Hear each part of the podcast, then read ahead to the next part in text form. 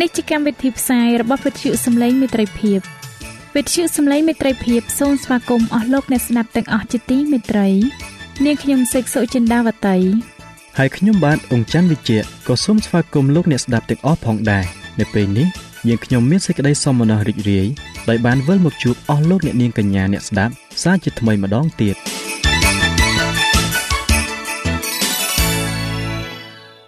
ចា៎លោកអ្នកស្ដាប់ជាទីមេត្រី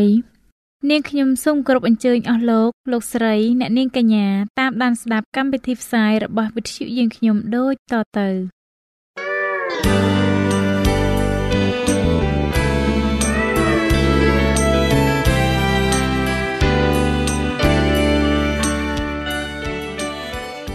ព្រះបន្ទូលសម្រាប់អ្នកនៅថ្ងៃនេះព្រះគម្ពីរពេត្រុសទី2ចំពុក3ខ9បានចែងថាព្រះអង្គម្ចាស់មិនផ្អាកសេចក្តីសន្យារបស់ទ្រង់ ដូចជាអ្នកខ្លះបានគិតស្មាននោះទេ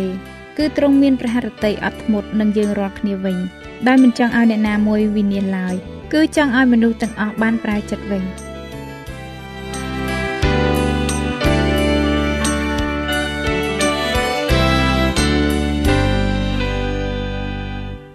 ជំរាបសួរអស់លោកអ្នកទាំងអស់គ្នាជាទីមេត្រីជាថ្មីម្ដងទៀតខ្ញុំបាទសូមស្វាគមន៍អស់លោកអ្នកមកកាន់មេរៀនសបាស្គូលប្រចាំសប្ដាហ៍ ដែលមេរៀនរបស់យើងនៅពេលនេះមានចំណងជើងថាបុគ្គលម្នាក់ដែលយើងត្រូវការបំផុតសម្រាប់លោកអ្នកដែលចង់បានមេរៀននេះប្រើប្រាស់នៅលើទូរស័ព្ទដៃ Android របស់លោកអ្នកលោកអ្នកអាចទាញយកបានតាមរយៈ Play Store ដោយវាយពាក្យថាខ្មែរសបាស្គូលអស់លោកអ្នកជាទីមេត្រី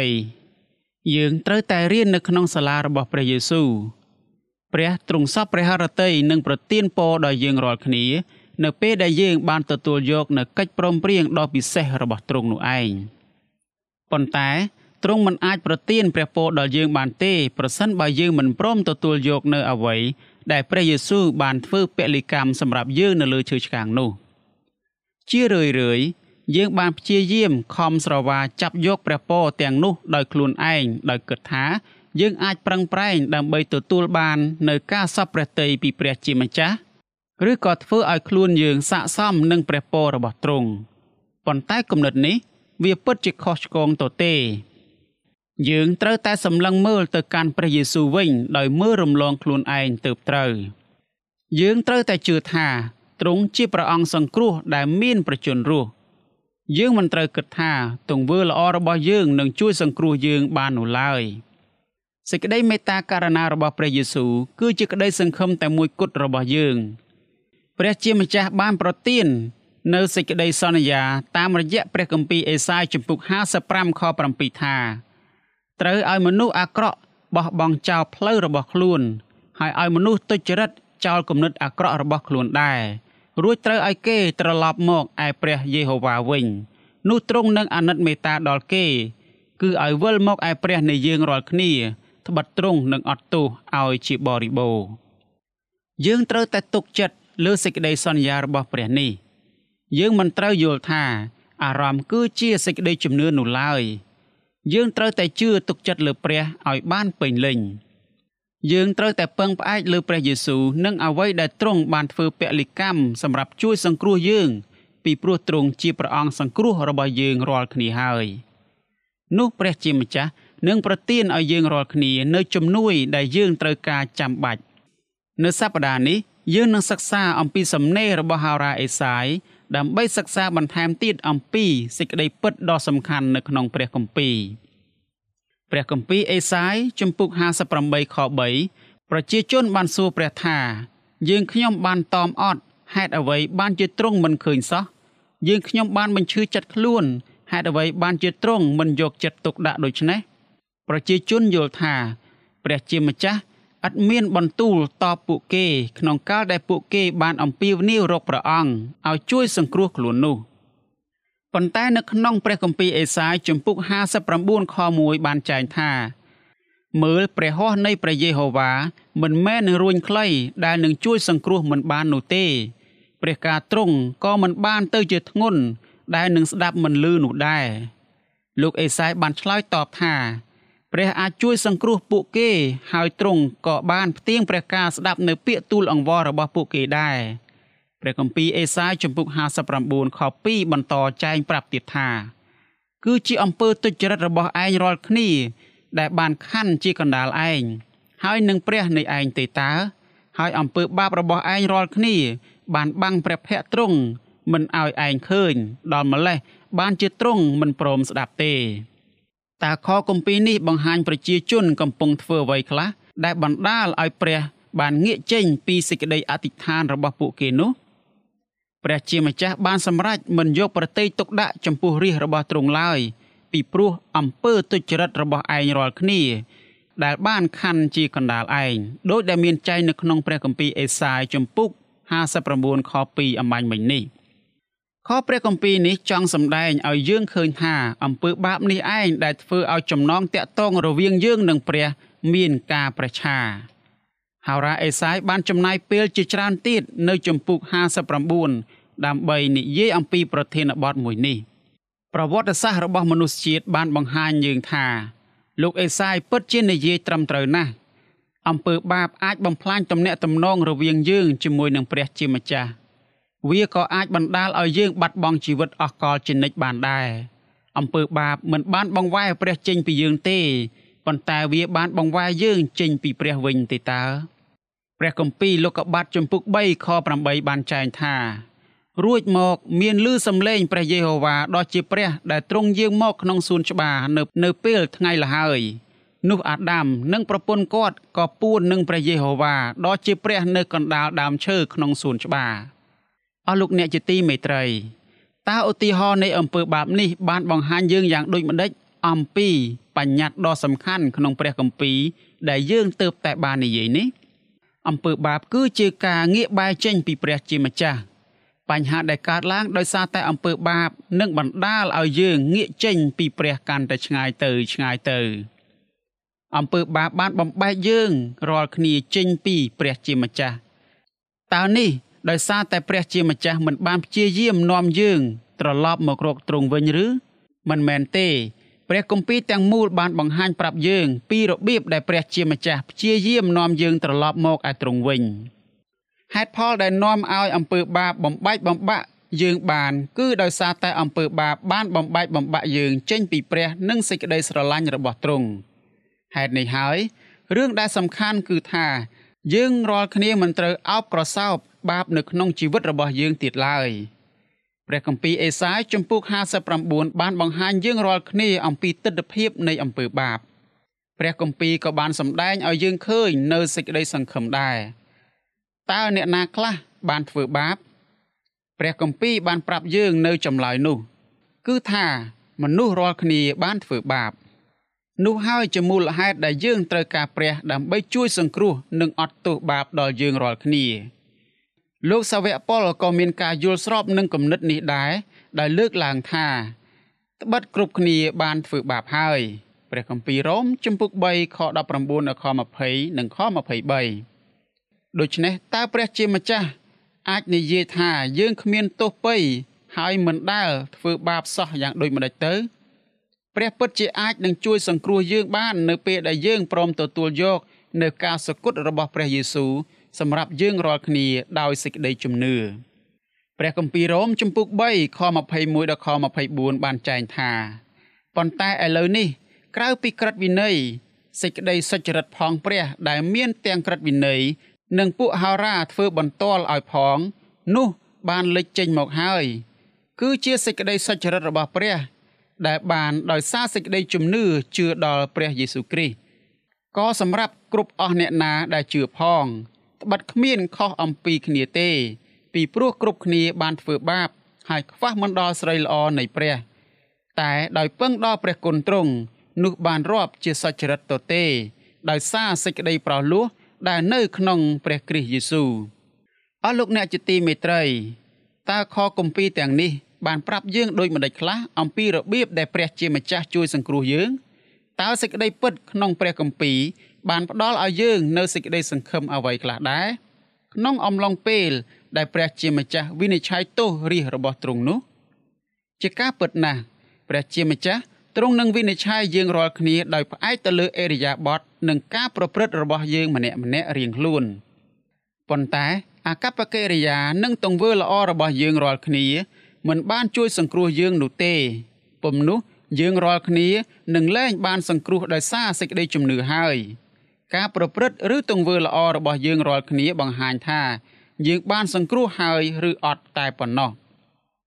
ការប្រព្រឹត្តរបស់យើងរាល់គ្នាមិនអាចជួយសង្គ្រោះយើងបានទេសូម្បីតែពេលនេះនិងនៅពេលដែលព្រះនឹងបំពេញភារកិច្ចរបស់ទ្រង់ជាចៅក្រមក៏ដោយទង្វើល្អឬការប្រណិប័តតាមក្រឹតវិន័យរបស់ព្រះដើម្បីឲ្យបានសង្គ្រោះ វាបានហួសពេលបាត់ទៅហើយសម្រាប់យើងនោះ ក្រឹតវិន័យរបស់ព្រះបានត្រឹមតែសម្ដែងឲ្យយើងបានស្គាល់ពីបាបរបស់យើងតែប៉ុណ្ណោះនោះហើយគឺជាទូនីតិរបស់ក្រឹតវិន័យសេចក្តីជំនឿសម្ដែងចេញតាមរយៈសេចក្តីស្រឡាញ់ព្រះវិញ្ញាណនៃព្រះជាម្ចាស់បានចាក់បំពេញនៅសេចក្តីស្រឡាញ់របស់ព្រះក្នុងចិត្តរបស់មនុស្សម្នាក់ម្នាក់សេចក្តីស្រឡាញ់នេះបានសម្ដែងឲ្យឃើញថាមនុស្សម្នាក់ម្នាក់មានសេចក្តីជំនឿដ៏រស់លើព្រះយេស៊ូវហើយ រាល់ទង្វើនិងការប្រព្រឹត្តរបស់យើងរាល់គ្នា បានបង្ហាញពីសេចក្តីជំនឿដ៏រស់របស់យើង យើងអាចដឹងថាយើងបានសង្គ្រោះកាលណាយើងគោរពតាមក្រឹតវិន័យរបស់ព្រះ ចំពោះកតបកិច្ចរបស់ទ្រង់ជាចៅក្រមព្រះជាម្ចាស់ទ្រង់ទតមើលនៅផលផ្លែរបស់យើង ដែលជាផុសតាងនៃសេចក្តីជំនឿនៅក្នុងចិត្តរបស់យើងរាល់គ្នា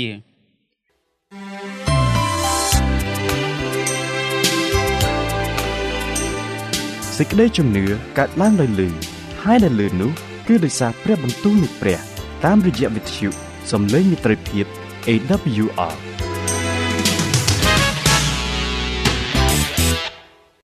អស់លោកអ្នកជាទីមេត្រីព្រះជាម្ចាស់ទ្រង់តតមើលតែទង្វើរបស់យើង ដែលបានប្រព្រឹត្តក្រោយពីយើងបានថ្វាយជីវិតរបស់យើងដល់ព្រះយេស៊ូវហើយប៉ុណ្ណោះអំពើបាបទាំងអស់ ដែលយើងបានប្រព្រឹត្តមុនពេលទទួលសេចក្តីសង្គ្រោះរបស់ព្រះយេស៊ូវនោះត្រូវបានអត់ទោសឲ្យនិងគ្របបាំងដោយសារព្រះលោហិតរបស់ទ្រង់រួចទៅហើយព្រះគម្ពីរអេសាយជំពូក60ខ1ដល់ខ2បានចែងថាចូលក្រោកឡើង ហើយភ្លឺមកចុះត្បិតពន្លឺរបស់ឯងបានមកដល់ហើយសេរីល្អនៃព្រះយេហូវ៉ាក៏បានរះឡើងដល់ឯងដែរត្បិតមើលសេចក្តីងងឹតនឹងគ្របលើផែនដី ហើយសេចក្តីសូន្យសុខនឹងគ្របលើអស់ទាំងជនជាតិតែព្រះយេហូវ៉ានឹងរះឡើងភ្លឺដល់ឯងហើយគេនឹងឃើញស្រីល្អនៃទ្រង់ស្ថិតនៅលើឯងតែអ្វីទៅជាបញ្ញត្តិដ៏សំខាន់ដែលបានឃើញនៅទីនេះហើយក៏ត្រូវបានឃើញនៅក្នុងព្រះគម្ពីរទាំងមូលផងដែរនោះតើបញ្ញត្តិនេះផ្ដល់សេចក្តីសង្ឃឹមអ្វីខ្លះដល់យើង យើងបានឃើញទស្សនវិជ្ជាដែលព្រះនឹងធ្វើសម្រាប់រាជរបស់ព្រះអង្គបន្ទាប់ពីពួកគេមានសេរីភាពពីនគរបាប៊ីឡូនផែនការនេះបានរាប់បញ្ចូលទាំងព្រះអង្គសង្គ្រោះដែលនឹងជួយរំដោះមនុស្សទាំងឡាយឲ្យរួចផុតពីអំពើបាបព្រះគម្ពីរអេសាយជំពូក60ខ3បានចែងថាអស់ទាំងសះនឹងមូលគ្នាមកឯពន្លឺរបស់ឯងហើយស្ដេចទាំងប៉ុន្មាននឹងមកឯរស្មីដែលភ្លឺចេញពីឯង ក្នុងកាលដែលឯងរះឡើងតើអ្នកណាជាពន្លឺដែលគ្រប់ទាំងស្ដេចនិងក្រុមមនុស្សចូលមកគាល់នោះអស់លោកអ្នកជាទីមេត្រី នៅក្នុងភាសាហេប្រឺពន្លឺនេះបង្ហាញយើងពីស្ត្រីម្នាក់ស្ត្រីនោះ គឺបានបង្ហាញដោយទីក្រុងស៊ីយ៉ូនដែរយើងនឹងសិក្សាអំពីទីក្រុងនេះនៅចុងបញ្ចប់នៃខព្រះគម្ពីរអេសាយជំពូក59ខ20 ដូច្នេះអស់ទាំងមនុស្សដែលនៅលើផែនដីនឹងមកឯក្រុងស៊ីយ៉ូនពួកគេត្រូវបានគ្របដណ្ដប់ទៅដោយស្បៃអន្តការពួកគេនឹងធ្វើដំណើរទៅឯទីក្រុងស៊ីយ៉ូនដោយសារតែពន្លឺដែលភ្លឺចែងចាំងនៅទីនោះពន្លឺដ៏ភ្លឺចាំងចែងនេះគឺជានិមិត្តរូបនៃសេរីរុងរឿងរបស់ព្រះជាម្ចាស់សេរីរុងរឿងនេះបានសម្ដែងឲ្យឃើញនៅក្នុងអង្គព្រះយេស៊ូវ ក្រុងស៊ីយ៉ូនគឺជាឈ្មោះមួយទៀតរបស់ទីក្រុងយេរូសាឡឹមនៅពេលដែលលោកអេសាយបានរៀបរាប់អំពីទីក្រុងគាត់ពិតជាចង់មានន័យសម្ដៅទៅលើប្រជាជនរបស់ព្រះព្រះគម្ពីរអេសាយជំពូក60បានលើកឡើងបន្ថែមទៀតអំពីគំនិតដែលយើងបានសិក្សានៅខាងដើមមនុស្សទាំងឡាយនៅលើផែនដីបានធ្វើដំណើរទៅក្រុងយេរូសាឡឹមដោយសារពន្លឺពន្លឺគឺជានិមិត្តរូបនៃសេរីរុងរឿងរបស់ព្រះជាម្ចាស់ស្រីល្អនេះ បានមកដល់ទីក្រុងនៅពេលដែលព្រះយេស៊ូវបានយាងមកយកកំណើតជាមនុស្សនៅលើផែនដីនេះព្រះជាម្ចាស់បានត្រាស់ហៅលោកអាប់រ៉ាហាំនិងកូនចៅចំនួនក្រោយរបស់គាត់ដើម្បីនាំព្រះពរទៅដល់មនុស្សទាំងអស់នៅលើផែនដីដូច្នេះការតាំងសញ្ញារវាងព្រះនិងលោកអាប់រ៉ាហាំក៏មានចំណែកសម្រាប់មនុស្សទាំងអស់ផងដែរលោកអេសាយចង់នាំមនុស្សរបស់លោកវិលទៅរកផែនការដំបូងរបស់ព្រះបានធ្វើសម្រាប់ពួកគេវិញ នៅពេលដែលទ្រង់បានត្រាស់ហៅពួកគេមកជារាជរបស់ព្រះអង្គនោះព្រះបានត្រាស់ហៅពួកគេឲ្យសម្ដែងនៅសេចក្តីស្រឡាញ់របស់ទ្រង់ដល់មនុស្សគ្រប់គ្នានៅលើផែនដីព្រះបានត្រាស់ហៅបុគ្គលម្នាក់ដែលកំពុងនិយាយនេះហើយក៏ចាក់បំពេញនៅព្រះវិញ្ញាណរបស់ទ្រង់មកលើលោកដែរការនោះបានបង្ហាញឲ្យឃើញថាបុគ្គលរូបនេះពិតជាព្រះអង្គសង្គ្រោះហើយ ទ្រង់ក៏ជាព្រះដែលបានចាក់ប្រេងតាំងដើម្បីជួយសង្គ្រោះមនុស្សឲ្យរួចពីបាបតើអ្វីទៅជាការងាររបស់ព្រះអង្គសង្គ្រោះលោកអេសាយបានបរិយាយប្រាប់យើងថាព្រះវិញ្ញាណនៃព្រះអម្ចាស់យេហូវ៉ាទ្រង់សន្ធិដ្ឋលើខ្ញុំពីព្រោះព្រះយេហូវ៉ាទ្រង់បានចាក់ប្រេងតាំងខ្ញុំឲ្យផ្សាយដំណឹងល្អដល់មនុស្សទាល់ក្រទ្រង់បានចាត់ខ្ញុំឲ្យមក ដើម្បីនឹងប្រោសមនុស្សដែលមានចិត្តសង្រេង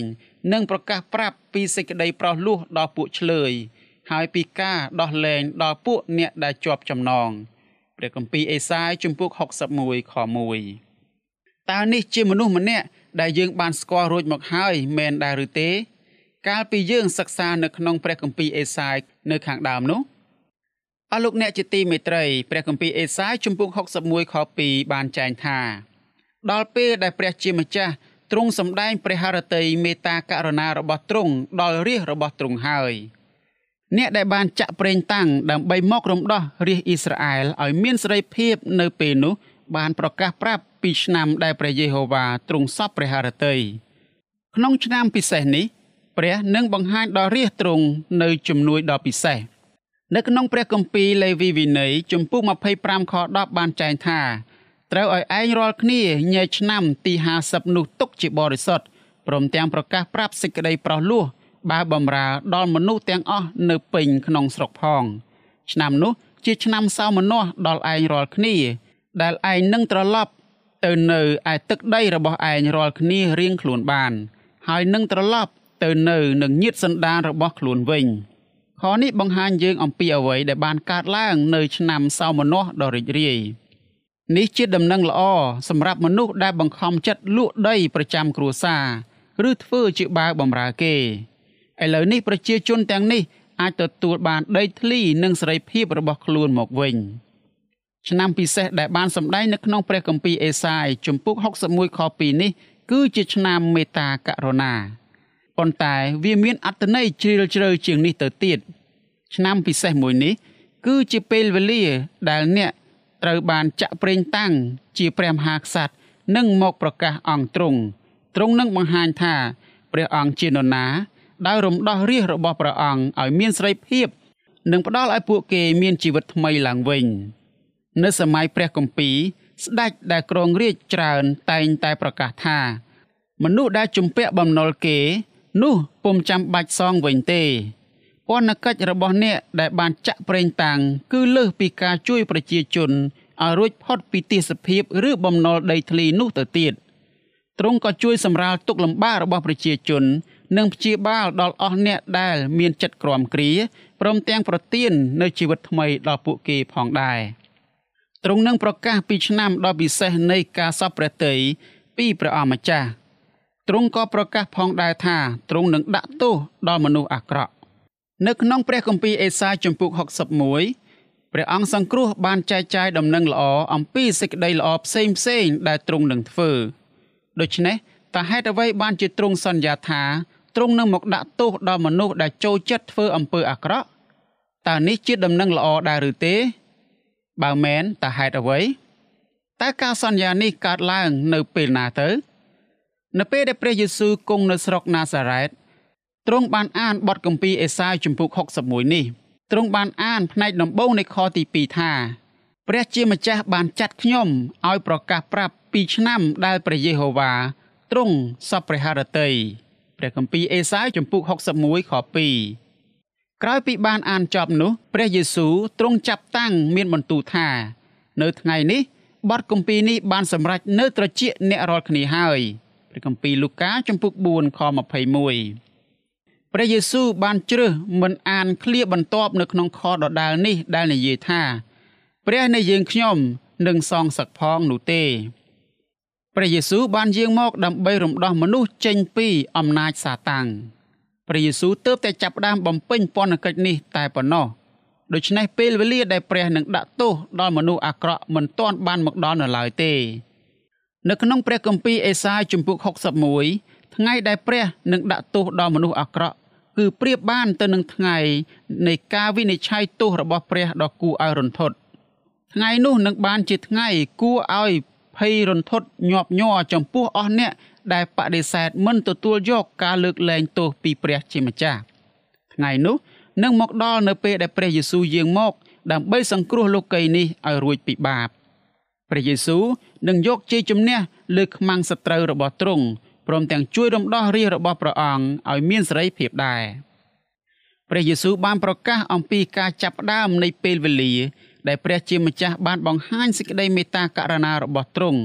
ប៉ុន្តែចុងបញ្ចប់នៃពេលវេលានោះនឹងមកដល់នៅពេលដែលព្រះយេស៊ូវយាងមកវិញជាលើកទី2តើព្រះជាម្ចាស់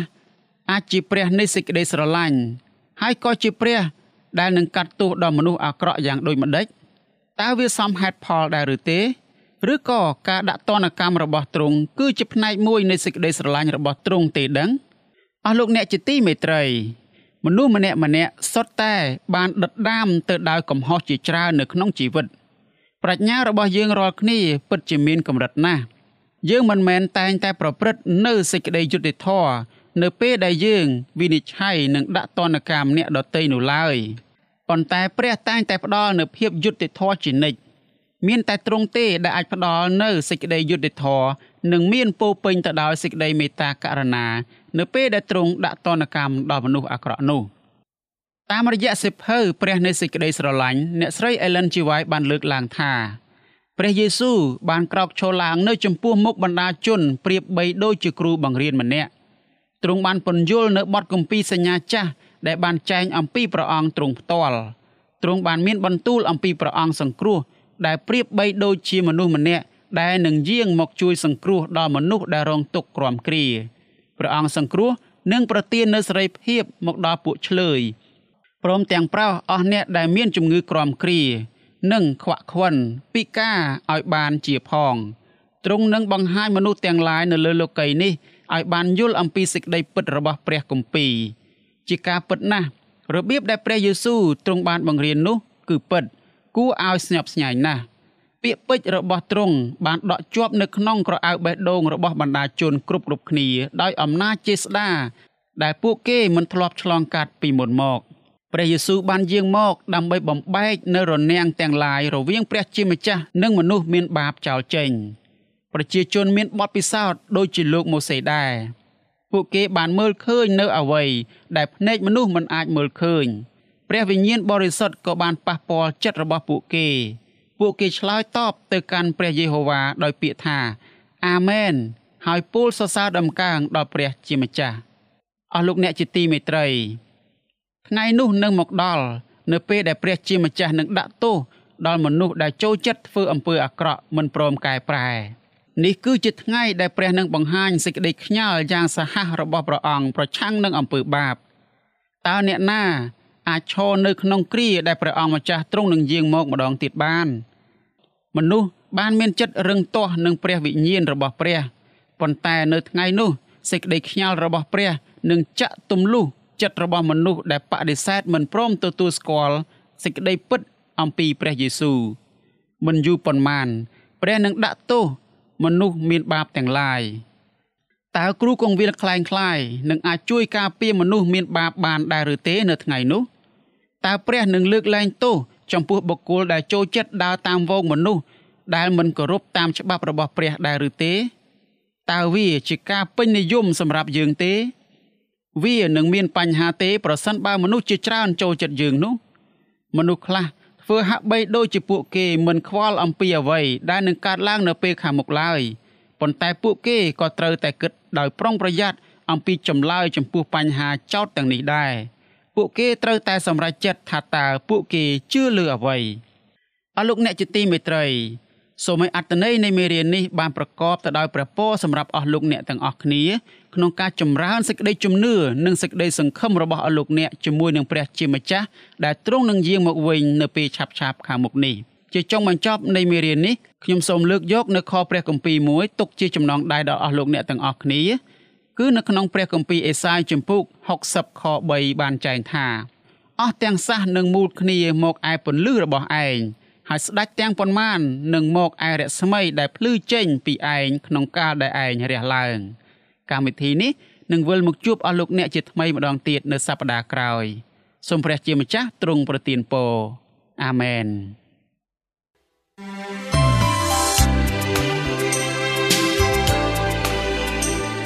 វិទ្យុសំឡេងមេត្រីភាព AWR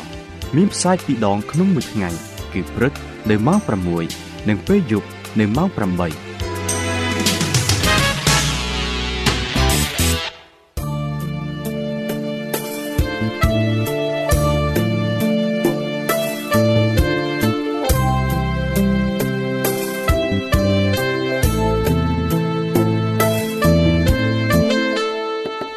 លោកអ្នកមានសំណួរឬសំណុំពរអ្វីសូមតាក់ទងមកការិយាល័យវិទ្យុយើងខ្ញុំ តាមអាស័យដ្ឋានផ្ទះលេខ15ផ្លូវលេខ568សង្កាត់បឹងកក់2ខណ្ឌទួលគោករាជធានីភ្នំពេញលោកអ្នកក៏អាចសរសេរសម្បត្តិផ្ញើមកយើងខ្ញុំ តាមរយៈប្រអប់សម្បត្តិលេខ488ភ្នំពេញឬតាមទូរស័ព្ទលេខ012 34 96 64ឬ097 80 81 060ឬក៏តាមរយៈអ៊ីមែល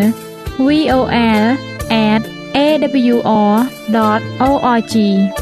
យើងខ្ញុំរងចាំទទួលស្វាគមន៍អស់លោកអ្នកនាងដោយក្តីសោមនស្សរីករាយហើយលោកអ្នកក៏អាចស្ដាប់កម្មវិធីនេះឡើងវិញ ដោយចូលទៅកាន់ website របស់វិទ្យុយើងខ្ញុំតាមរយៈអាស័យដ្ឋាន www.awr.org